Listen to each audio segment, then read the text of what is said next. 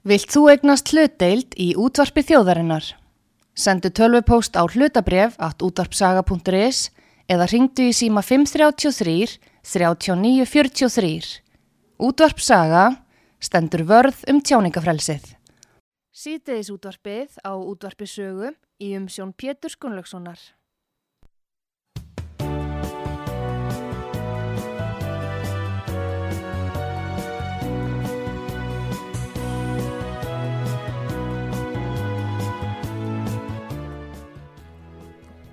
Góðir hlustendur, þið er að hlusta á útvarpsögu, ég heiti Pétur Gunnlaugsson og ég ætla að ræða við Vilján Birgisson, formann starfsgreinasambandsins og formaður verkalýtsfélagsins á Akranessi. Sæl og blessaði Viljámur. Já, komðu blessaði Pétur. Nú sérð þú fram á Viljámur hörð átök á íslensku vinnumarkaði höst? Já, þetta er erfið spurning en ég held að það séu allavega hrannastu æfi mörg óviðu skín á íslensku vinnumarkaðu þessa myndir og nægir bara nefna í því samhengi að þá kjærasamningur sem við gengum frá 3. apríl árið 2019 að ávinningurinn af þeim samningi, allar þær launahækkanir sem við náðum inn í þeim fjárrar á samningi E, þær hækkanir er að stórum hluta að hverfa í burtu frá okkur vegna þeirra gríðalera kostnarhækkana sem að dinja hér á landsmennum og allir finna fyrir. Samt, Þetta er staðan. Samt er spáð 5% að hagvexti í ár og uh, við getum ekki séð frá því að kjara samningunir eru gerðir. Það hafi átt sérst að samdráttur endilega í hækkerfinu en verðbólgan hins vegar hefur hækka verulega. En það sem er núna að gerast er auðvitað stýrivextir er þeir hæstu sennilega í Evrópu og eiga sennilega eftir að hækka og baráttan gegn verðbólgunni byggjast nær engöngu á hækkun vaksta og stýrivexta. Uh, hvers vegna í ósköpunum uh, er paraðir engöngu þessa leið þar sem að þeir hljóta að gera sér grein fyrir því að þessari gífulega verðbólka á eftir að kalla fram herri kröfur og, og einbeittari af halvu ykkar í verkalýsreifingunum og starfsgreinasambandun, er það ekki nokkuð ljós? Jú, jú, það er algjörlega ljóst að þegar að verið að hækka stýrivexti með þeim hækti sem hafa byrst okkur núna á liðnum uh, mánuðum og bara sem dæmi að þá hafa vextir hjá viðskiptaböngunum þremur á 12 mánuða tímabili hækkað um rétt hæp e, 3%. Það þýðir bara e, fólk sem er með óvertrið e, húsnæðislan og breytilegu vöxtum. Við getum tekið sér dæmi að 20 miljón krónar lán á slíkun kjörum hefur hækkað um 47.000 krónur á mánuði á síðustu 12 mánuðum. Og ef þú ert að tala hér kannski um 40 miljón krónar lán þá er það tæp 100.000 krónur sem að greiðslubyrðin hefur aukist á síðustu 12 mánuðum eða með öðrum orðum 90.000 krónar hækkunin sem við sömdum um e, í síðasta kjærasamningi sem kom á fjara ára tímabili hún er öll farin hjá uh, slíku fólki sem er með slík lán. Þannig að þetta er algjörlega óskiljanlegt og það er mikið talað um það af stjórnvöldum og sælabankarum að það séu fleiri sælabankar að hækka hér stýrivexti. E, það var nefnt að Evróski Sælabankin hafi hækka stýrivexti um 0,5% og þetta hefur verið mesta hækkun þess Sælabanka í 22 ár. En það fylgdi ekki sögunni að stýrivextinir hjá Evróska Sælabankanum voru að fara úr mínus 0,5% upp í 0% Já. en samt er verðbólgan á Evróska efnaðsvæðinu nákvæmlega svo sama og hér á landi. Þess vegna skil ég ekki þessa hagfræði sem að hér er ekkin e, þar sem að e, Gilvi Sóeka til dæmis, e, hagfræði profesor og sýtur í peningamála nefnd mm. Sælabankans hefur talað um það að það gangi ekki upp að vera með neikvæða vexti hér á landi. Það er búin að vera neikvæðir vextir um alla Európa og nánast um allan heim um langt uh, árabil. En hér á Íslandi þá virðist að vera bara viðtekinn venja að það er slegin þvílík skjálborg utanum fjármálakerfi og fjármaseigundur á endanum eru þetta alltaf neytendur og reyndar að sumuleiti fyrirtækin sem verða fyrir barðun á þessu. En það sem fyrirtækin eðlimálsins sangkvæmt gera er að vextir hækka hjá þeim og, og fjármas kostnaður eikst þá er því varpað út í verðlægið sem að endanum lendir síðan á neytendum. Nú í Noregi er 5% verðbólka, hún er helmingi læri heldur en hér sem er tæmlega 10 og líka Viljámur þá grættu bankarnir í fyrra 92 miljardar, ég endur tek, 92 miljardar, er það ekki rétt? Jújú, jú, það er rétt hjá þér og ég skrifaði um pistil í gær undir fyrirsögnu sem byrtist inn á vísir undir fyrirsögninni Sæðlabúttir fóðurar fjármála íunutnar og það sem Já. er gerist að þegar að Sæðlabúttin hækkar stýrivöxtu það er einasti gerist að það er verið að færa fjármunni frá skuldsettum heimilum og fyrirtækjum yfir til fjármála erfisins en það kom fram og byrtist í grein líka sem Eh, byrtist núna fyrir nokkur dögu síðan að bankarnir gera ráð fyrir enn og meiri hagnaði á þessu ári Já. meðal annars vegna þess að þeirra helsti tekjustopp er, er, eh, er, er vextir, er útlásvextir sem að þeir fá. Þannig að, þannig að það má allt eins búast við því að hagnaður bankana verði enn og meiri og til að setja þetta í samhengi þegar þú nefnir réttilega 92 miljardar þá er það litlu minna heldur en sem nam uh, öllum útflyttingstekjum á forska afurðum sem að hagnaður bankana nam. Þetta er náttúrulega svo glórulust að það næri ekki nokkru tali að þegar við erum að tala um okkar dýrmætustu eign sem er uh, sjávarauðlendin og við erum að tala um okkar dýrmætustu uh, fiskitegund sem er þoskurinn sem við tókum og þátti að verja hér með kæft og klóm í þremur þorskastríðum á sínum tíma.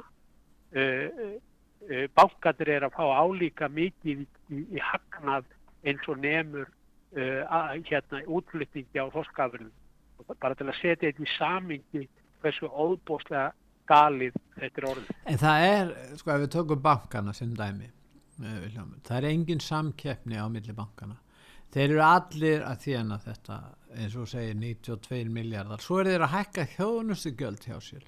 Síðan er vaksta munur á útláns og innlánsvöxtum sennilega sá hæsti sem þekkist bara í viðri veröld hér á Íslandi og búin að vera lengi. Og það er eins og það sé eitthvað náttúrulega mál á Íslandi. Og eins með þetta hér þurfa að vera svo háir vextir. Ég meina af hverju nú af hverju hafa fjármanns eigundur svona sterkar stöðu, er það vegna stöðunar í stjórnmálum, breytir það nokkru, er þetta ekki, skiptir nokkru máli hver er við stjórn, myndi ekki þessi fjármasegundur standa jafn vel að við eftir sem aður, ég sé það ekki, en hvað heldur þú? Við hefum kannski ekki að fara á þanga. Jú, ég held að partur af þessu er, er, eru stjórnmálinn sem að hafa staðið vörð uh, um fjármálakerfi, við getum bara farið látt aftur í tíman að þegar var tekinn hér ákvörðunum að setja verðtryggingu á þá var samliða sett á verðtrygging á laun en eh, 19, þetta var 1979 Já. 1983 þá er afnuminn verðtrygging á launum því að það, það gekk ekki upp.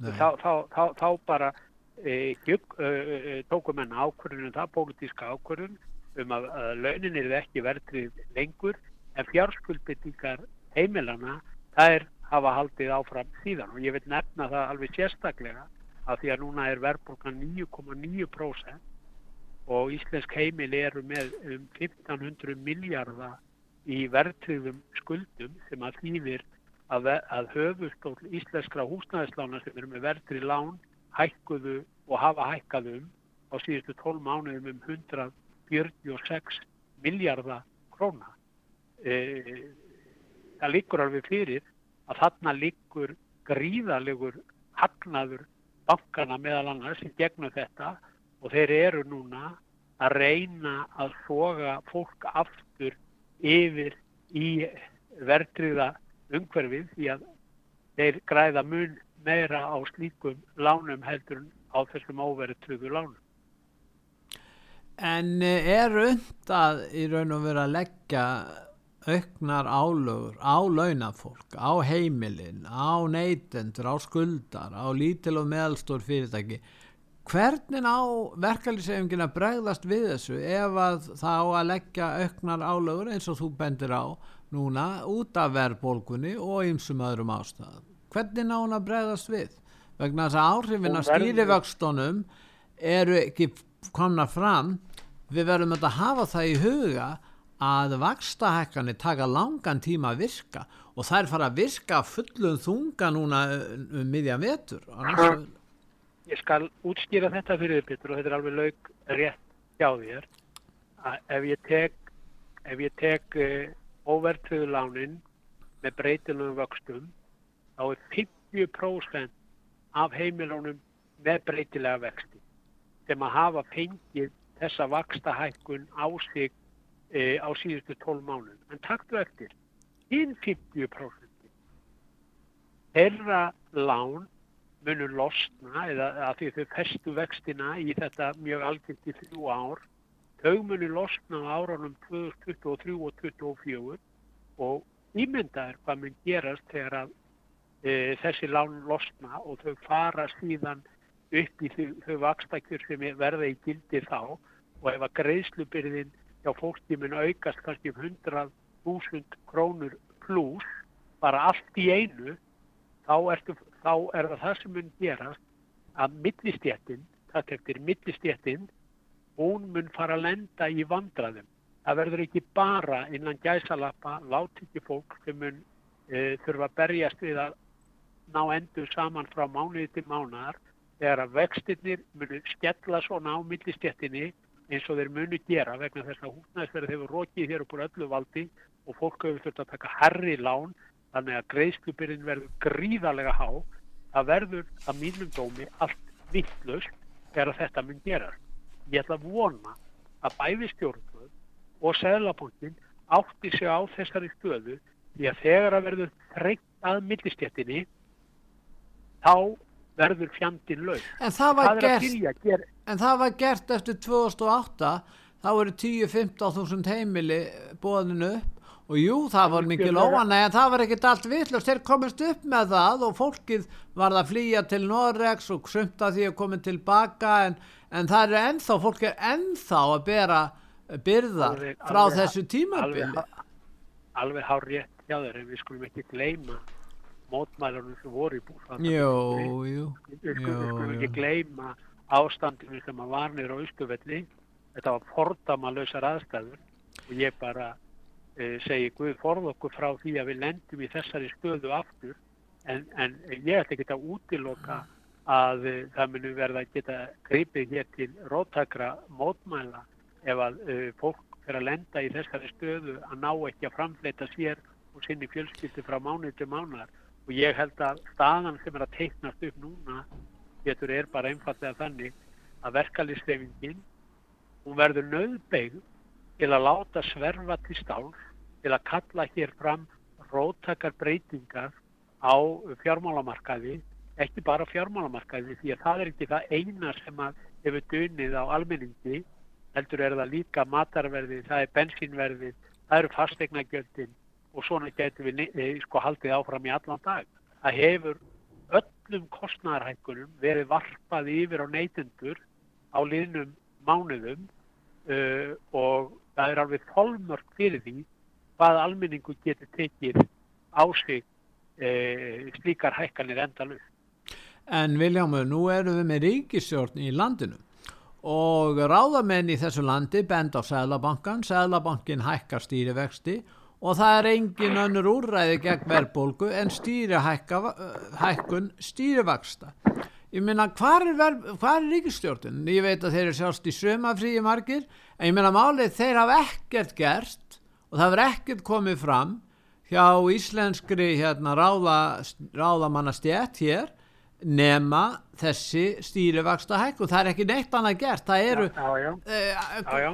Er, er, er þetta sko, og síðan hafa einhverju ráður verið spurður og segja að þeir hafi bara gert nægilega mikið, ég sá vittal við fórsýttisráður og hún sagði þeir var alltaf að sitja á einhverjum fundum, ég veit ekkert um fundina en, en ég hef ekki hert um nein, neina hérna leið eða, eða, eða hérna úrræði eða, eða umbætur sem að hafa komið frá ríkistjórninni til þess að draga úr þessum auknu álögum sem lenda á launafólk í landinu Það er alveg rétt hjá þér og ég vil líka rifja upp að við skrifum saman, ég og Hormað Vapper, Ragnar Þór Ingólfsson fyrstinn eh, e, eh, í oktoberi fyrra sem bara heiti Neiðarkatt þar sem við vorum með Neiðarkatt í Selabanka, með Neiðarkatt í stjórnvalda um við, og aðila vinnumarkari sem við myndum taka höndu saman og grýpa hér til róttakara aðgerða til að reyna að forða íslenskum heimilum frá öllum þeim kostnarhækunum sem væri að fara að dinja á þeim e, á okkur var ekki hlustað þá uh, og ekki var grípið til neitt með aðgerða. Það hefði verið að grípa til aðgerða með því að uh, minka álögur á uh, nöðsynjafuru og það hefði verið hægt að lækka hér bensinskatt til að draga úr áhrifum á hækkuna á, á, á verðbungunni.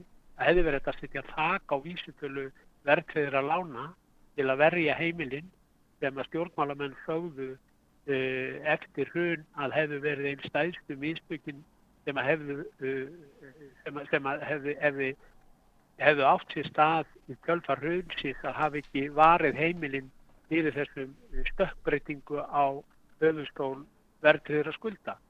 Ekkert af þessu var, var gert og við getum gert margt. Uh, ég saknaðist til dæmis á hverju Sælabankin beinir öllum tilmælum til e, launafólks um að það þurfa að sína hófsem í komandi kjærasamlingum. Akkur beina er ekki sínu tilmælum til fjármálafyrirtækja um að draga hér úr þjónustugjöldum, halda aftur að þeirra vakstahækkunum, beina sjónum sínum að stórfyrirtækjunum sem að er að skila dvílíkum hagnaði þeir byggja ekki þessi fyrirtæki um að draga úr álagningu og sína samfélagslega ábyrg.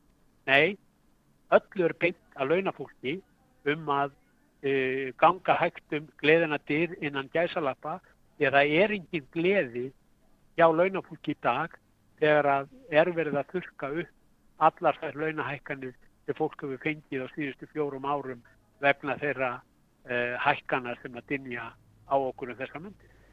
En uh, núverandi ríkistjórn uh, er uh, framhald af fyrir ríkistjórn sem satt í fjögur ár og þeir máttu og eiga og máttu vita að þessi seglaprentun þeirra, þessi stefnum að stóra auka framlög til fyrirtækja sem er í fákeppni hér í stóru stíl. Og að vísu var kannski svo stefna hjá verkaldrisefingunni að fallast eða sættast við á þetta vegna þess að, að það myndi halda uppi atvinnustígi en það er þetta ymsarlega til. En með því að stóra ykkar peningaprentun þá erum við að sjá þessa 10% verðbólku sem beina afleiðingu af því. Já, já, það er alveg rétt að auki peningamagni um eigur á verðbólku Það, það er verðbólku valdur number one sko það, það, er, það er alveg, alveg, alveg hérna hægt að færa góð og gildur auk fyrir því.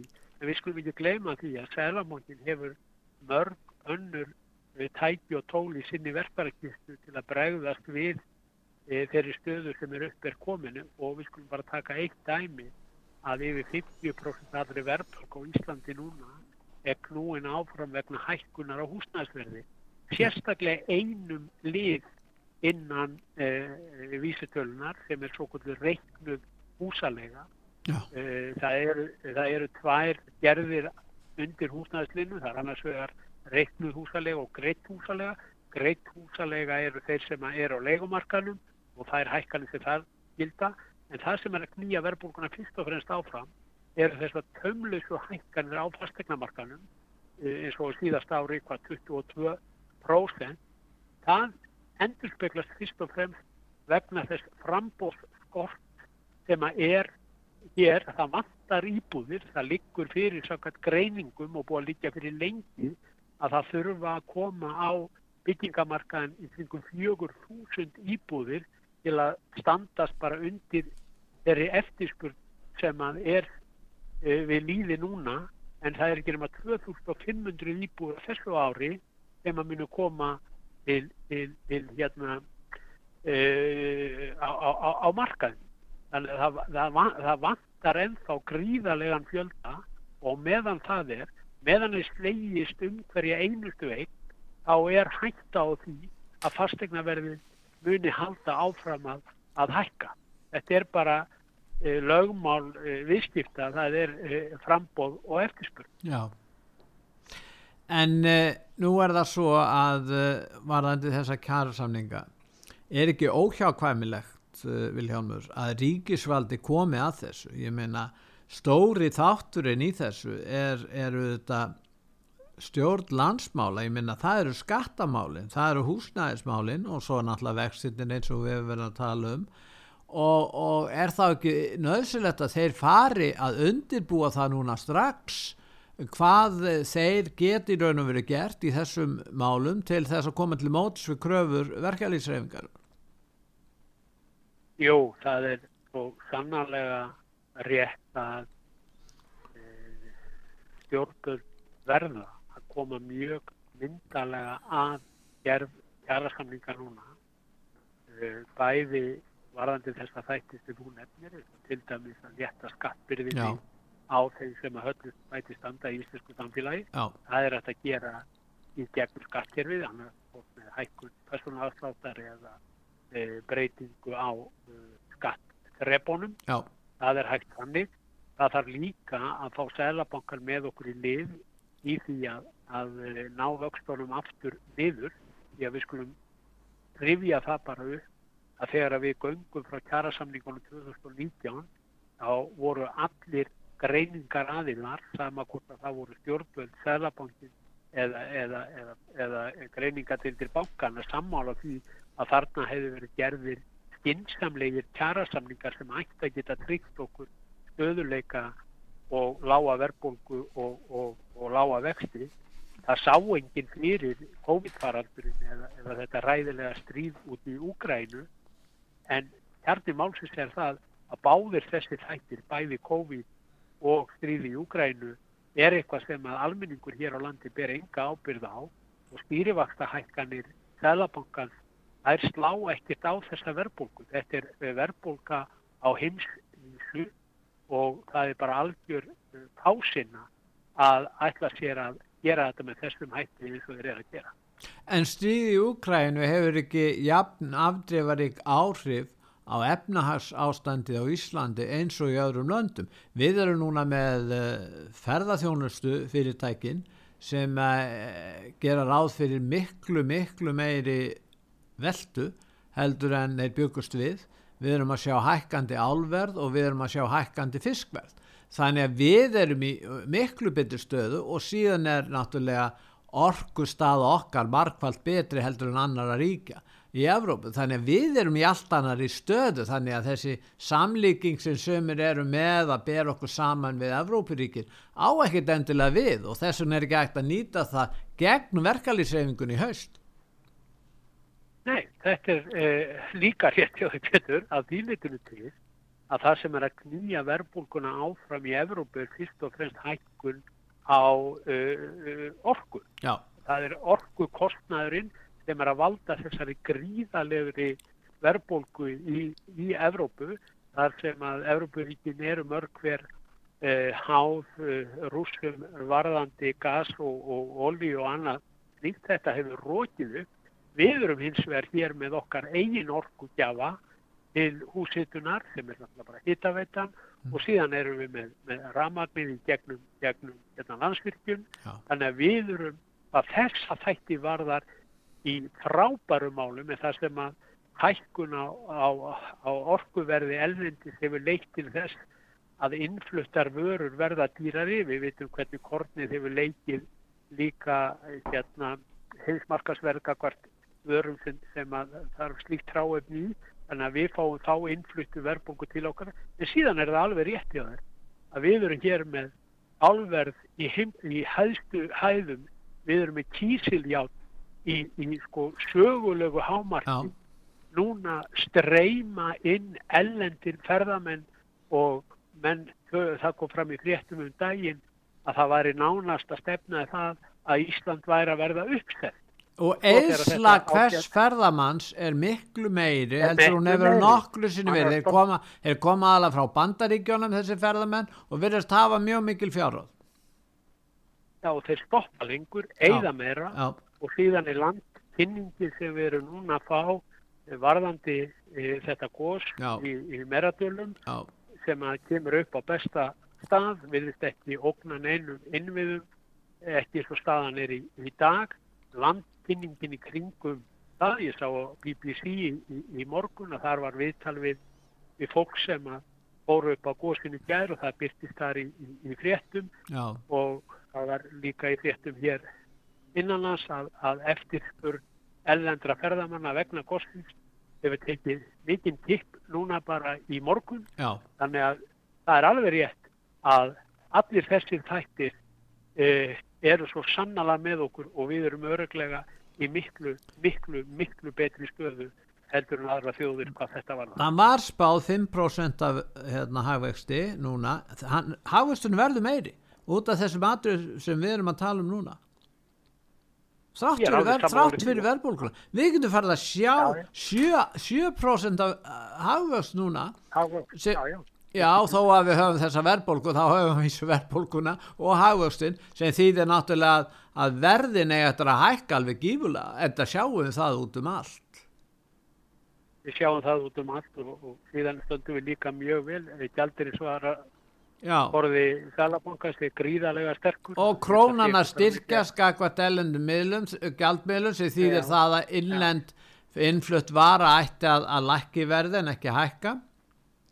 Algjörlega. Þannig að, þannig að við erum með allt með okkur. Atvinnustíð er mjög gott. Það er, það er eftirspurn eftir, eftir, eftir, eftir starfsfólki Mm. og, og, og eftir að ferðarþjónustan tók við sér.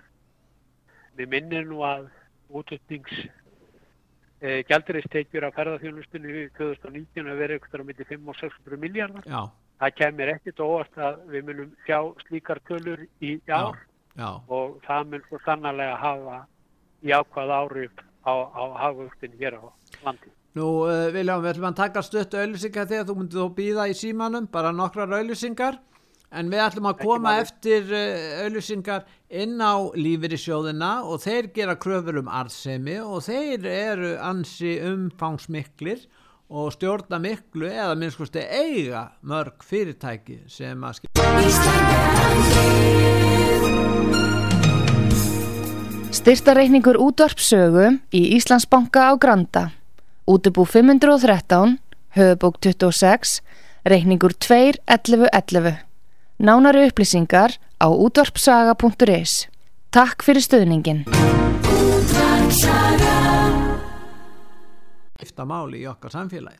Ræðum það. Síðdeis útvarpið á útvarpisögu í umsjón Pétur Gunnlaugssonar.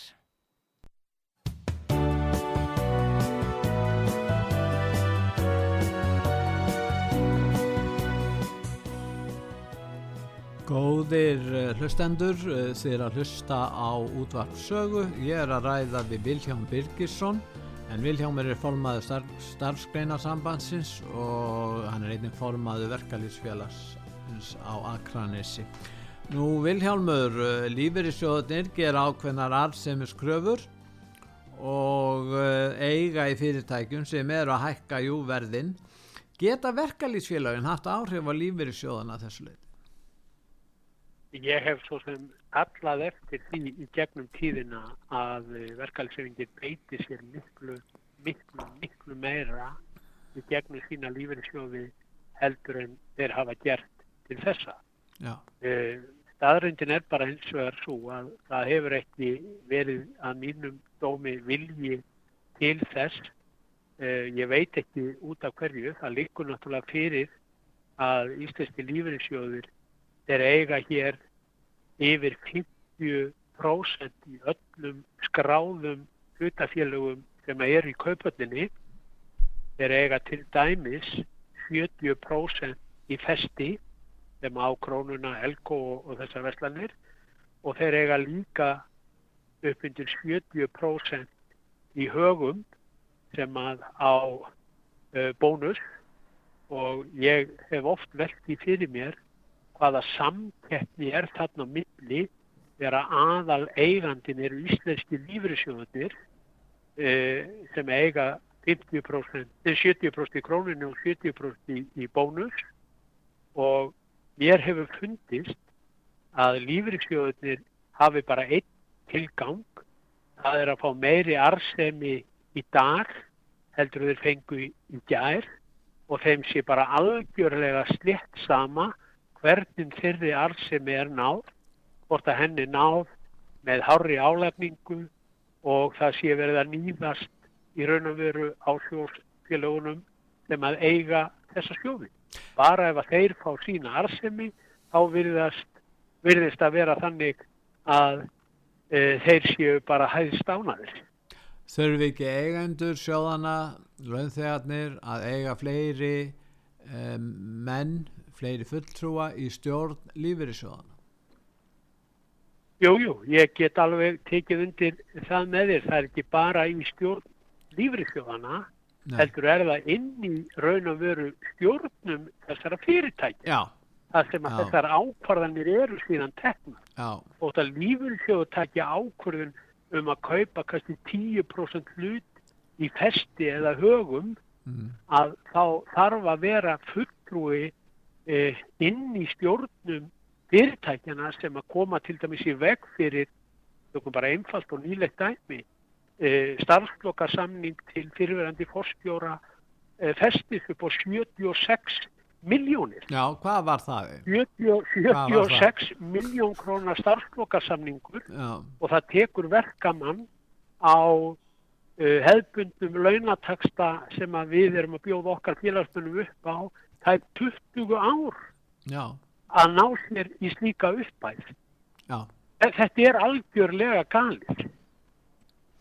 já, en uh, sko, uh, það hefur verið rætt um þessi mál, en þurfið þið ekki að taka ákveðna stefnu í þessu málu varandi lífyrsjóðana, því það er ljóst að atvinnureikundur eru reyðubúnir að semja við okkur, uh, hérna, já, eða líklegri til þess að sé hægt að semja við þá á auðveldari hátt, ef þeir vita það að þið ætlið að taka upp harðari stefnu varðandi möguleika þeirra að fá aðganga lífeyrissjóðan því að ef þú, ef þú tekur sem dæmi þú talar um að lífeyrissjóðin er 70% í stórfyrirtæki og íslensku stórfyrirtæki.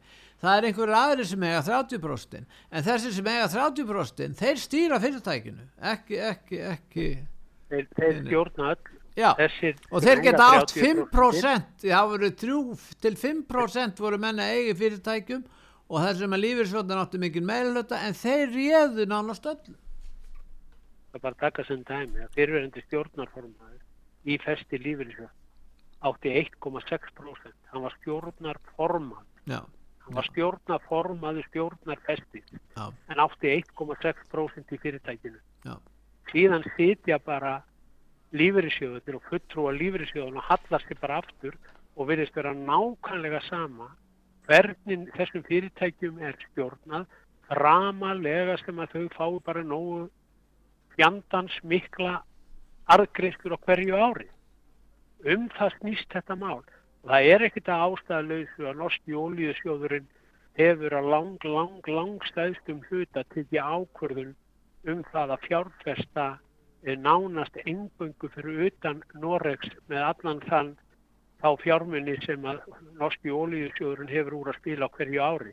Þeir láta ekki þá fjármunni fara inn í norsk samfélag og láta síðan uh, almenning í Noregi sjá um að uh, ávaksta það fyrir með uh, einhverju ofur álagningu og, og, og annari óáran sem að lendir á neytundunum sjálfur. Þeir, þeir senda þetta út og kaupa, kaupa hlutabrjöf í fyrirtækjum ellendis en hér á Íslandi er þetta nánast öfugt farið ef ég mani þess að tölur rétt. Og minnum mig að eignir lífyrsjóðskerfisins yfir 6.000 miljardar og þar af eru yfir 4.000 miljardar sem er inn í íslensku hagkerfi. Og þessi 4.000 miljardar, þeir öskra á ávöxtun já, og til að ná ávöxtun að þá þýðir það það að það þarf að halda hér upp í hái vöruverði, halda kaupgjaldi niðri og svo framvegis. Allt bytnar þetta síðan á sjósfélunum sjálfum sem eiga þessa sjóði. Það eru við sjálf sem erum að fjármagna e, þennan gríðarlega e, arsemi sem að sjóðinni fá á hverju einasta ári og ég hef líkt þessu við það á meðan þú ert á vinnumarkaði þá ertu lúbarinn fram og tilbaka vegna þessa eh, vegna þess að fyrirtæk, eh, lífeyriskjóðir er að fjárfyrst í þessu fyrirtækjum.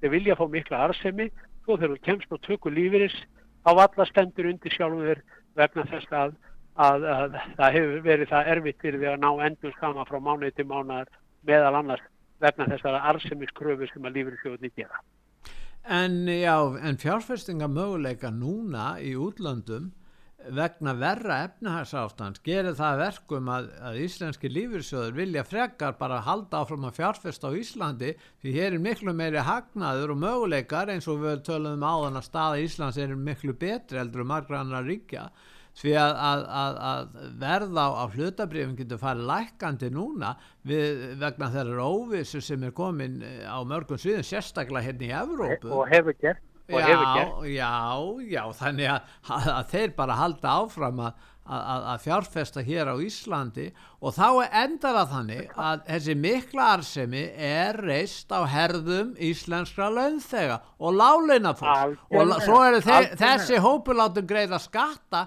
bara fulla skatta sem þekkist valla í öðrum löndu þar sem að láleina fólkið er jafnvel skattlaust með þessi bandaríkjónum eh, venjulegt fólk, venjulegi rétt. launþegar ég held að að borgar ekki enga skatta til allríkisins, ég held að sé 50% bandaríkjamanna sem borga ekki skatta til það sem heitir federal tax eða til allríkisins.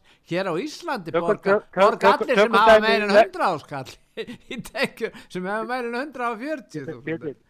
við tökum dæmi hvað lífeyrisvöldin raunverulega gætu gert. Þeir gætu ráðist í margví, margvísleg samfélagsleg verkefni sem að, sem að myndu skipta almenning gríðarlega miklu máli. Við getum tekið hjúgrunar bara- heimili eins og hann Jú, Helgi, jú, já, Helgi, Eh, Helgi hefur nefnt, við getum, við getum líka tekið bara hér að eh, ráðast hér í uppbyggingu á íbúarhúsnaði til, til leigu, Já. gagvart þjóðfélögum á, á hóstiltu verði, sko bara fastegnaverðið hækkar það mikið, þannig að arðsemin af þeim eignum er því gríðaleg fyrir lífeyrisjóðuna, Já. en á móti kæmi er að sjóðsfélagarnir og almenningum myndi klappa fyrir lífeyrisjóðunum að fara í slík verkefni. Við getum tekið fleiri verkefni, við getum til dæmis tekið sundabrautina að lífeyrisjóðunum myndi fjármagna Já, kostnaði til hana dæmis, á, á, á, á, hérna, það er enginn að tala um að gefa neina peninga eða Nei. eitt eða neitt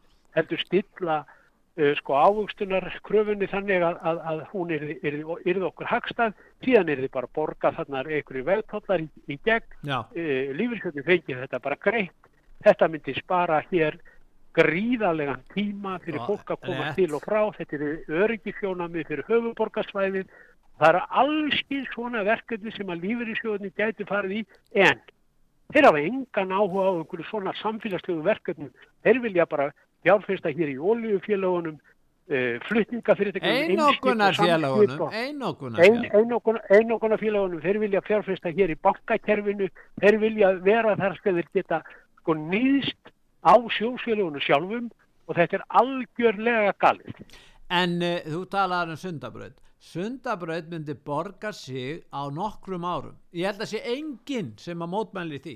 Það er enginn sem að mótmæli því. Enginn. Sundabrautin er líklega besta fjárfesting sem íslenska líðveldi gæti ráðist í.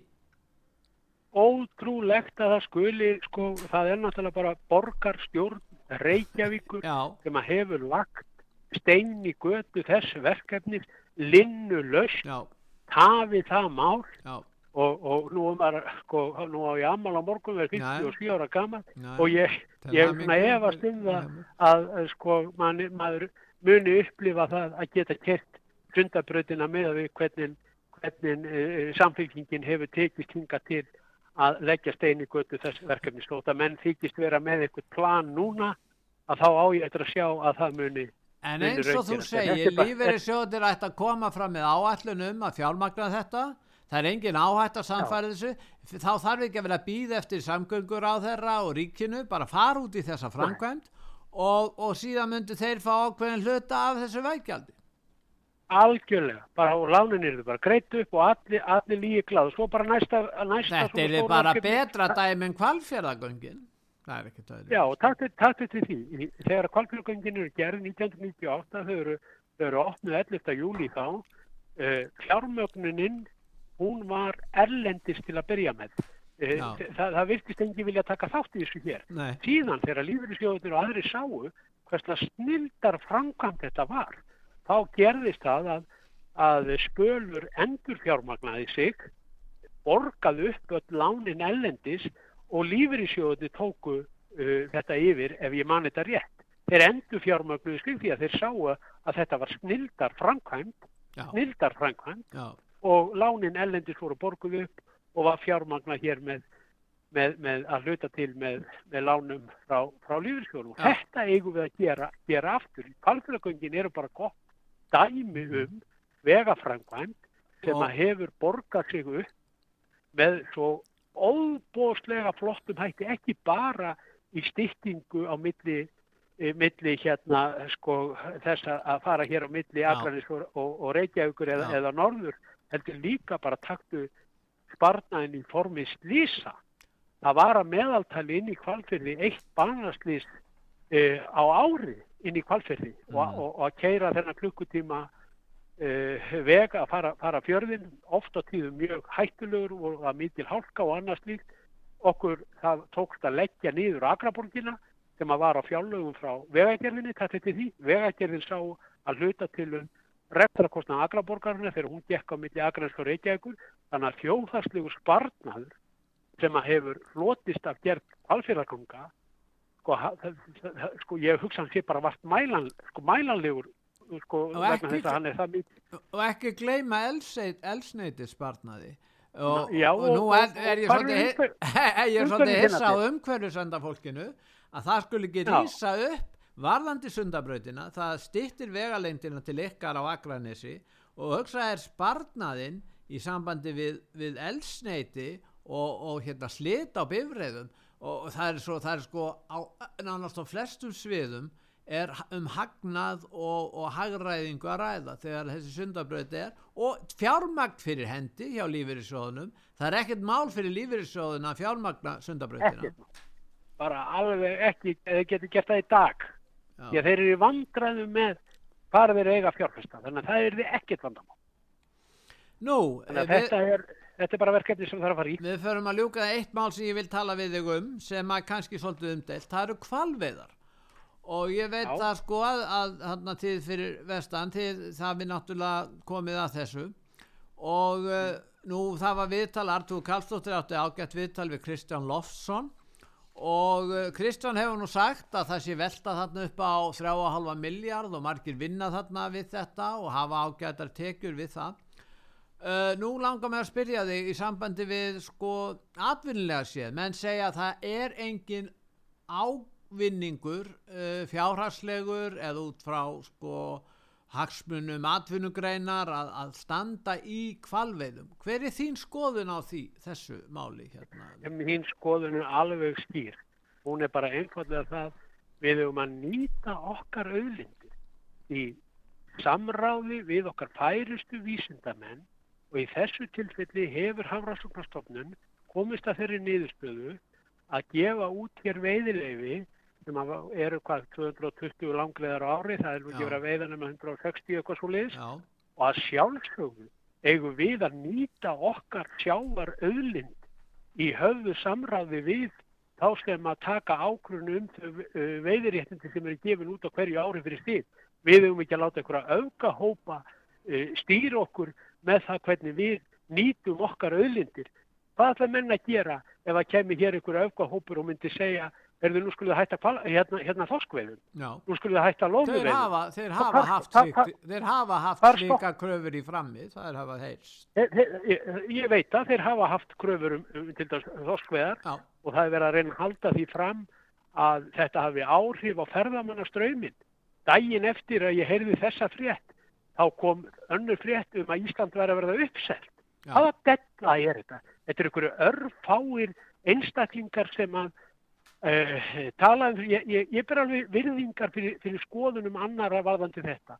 Menn hafa síðan verið að tala um að þessi verið að drepa þessi dýr með kvalafyllum hætti, hafa gert stísla um það fyrir hvað 2015, þá kom hér norskur dýralæknir og var um borði einu, eina skipum uh, hérna kvals og 82 eða 85% þeirra kvala sem að voru skotnir meðan hann var um borð, ég mann ekki hvað þetta voru mörg dýr, 82 til 85% dóu samstundis. Dóu samstundis. Það voru ykkur nokkri kvali sem þurfti að tvískjóta. Þannig að þessi rauk haldi ekki, raukin varandi það að hér minni ferðamenn hægt að koma, þau haldi ekki, bara dæminn bara sína það og, og sanna og síðan er grundvallar atrið, Kristján Loftsson er að skaffa 150 manns fyrir utan afleitt störf, vinnu í 34 mánuði. Það er mikil vinna sem að þarna liggur á baki. Ég veit að fullt af skólastrákum sem eru hér í háskólanum er taka vertíðina með trompi í 34 mánuði, eru með rúma miljóna mánuði og þeim tekst hlumum hverjum að sleppa við námslán Já, og annars fjármagna Þannig að þetta er bara vinn vin dæmi. Já. En, en varðandi fjárhagslegan ávinning af þessu, þeir, þeir halda þessu fram að þessi, hann talar um þetta sé velt upp á 3,5 miljardan Kristján eitthvað svo. Þetta eru talsverð, talsverð, talsverð miklu peningar. Þe- Þetta er, er einum og hálfu minna uh, minni verðmæti heldur strandveðarna gá okkur. Já, Það er gá okkur 5 miljardar. Það er gá okkur 5 miljardar í útlýningstekjur. Kristján segist að þetta sé útlýningstekjur fyrir 3,5 miljard já, og halda mennina einustu mínútu að Kristján Loftsson sé að leika sér að því að vera hér með 150 manns í vinnu, tvö kvalveiðistip og, og, og, og, og, og hann á ekki að selja sínar aður. Bara, sko, þetta meikar bara enga sens. nei, nei. Nú, heyrðu, ég þakka þér fyrir uh, þessi svör, hérna Vilhjálmur, og hérna... Ég vil taka, ég vil taka það fram, Pétur minn, að, að þetta eru félagsmenn mínir sem er að vinna upp í kvalstöð. Ég veit hver launir þessara manna eru. já, Ég veit hvaða áhrif þetta hefur á útsvarstykjur þeirra sveitafélaga sem að hér er í kring, já, bæði kvalfélagsveit og agrarskustaf. já, Þetta eru fjármunir sem skipta samfélagi hér töluverðumáli. já. Nú, og við skulum láta þetta bara vera loka orð og ég þakka þið fyrir Vilhjálmur Birgisson að ræða við okkur hér á útvarpi sögu og gangi ykkur vel í ykkar kjara baráttu núna. Þakka þið fyrir. Nú, við förum að ljúka þessu núna og ég vil stendum útvar sögu fyrir að hlusta. Verðið sæl.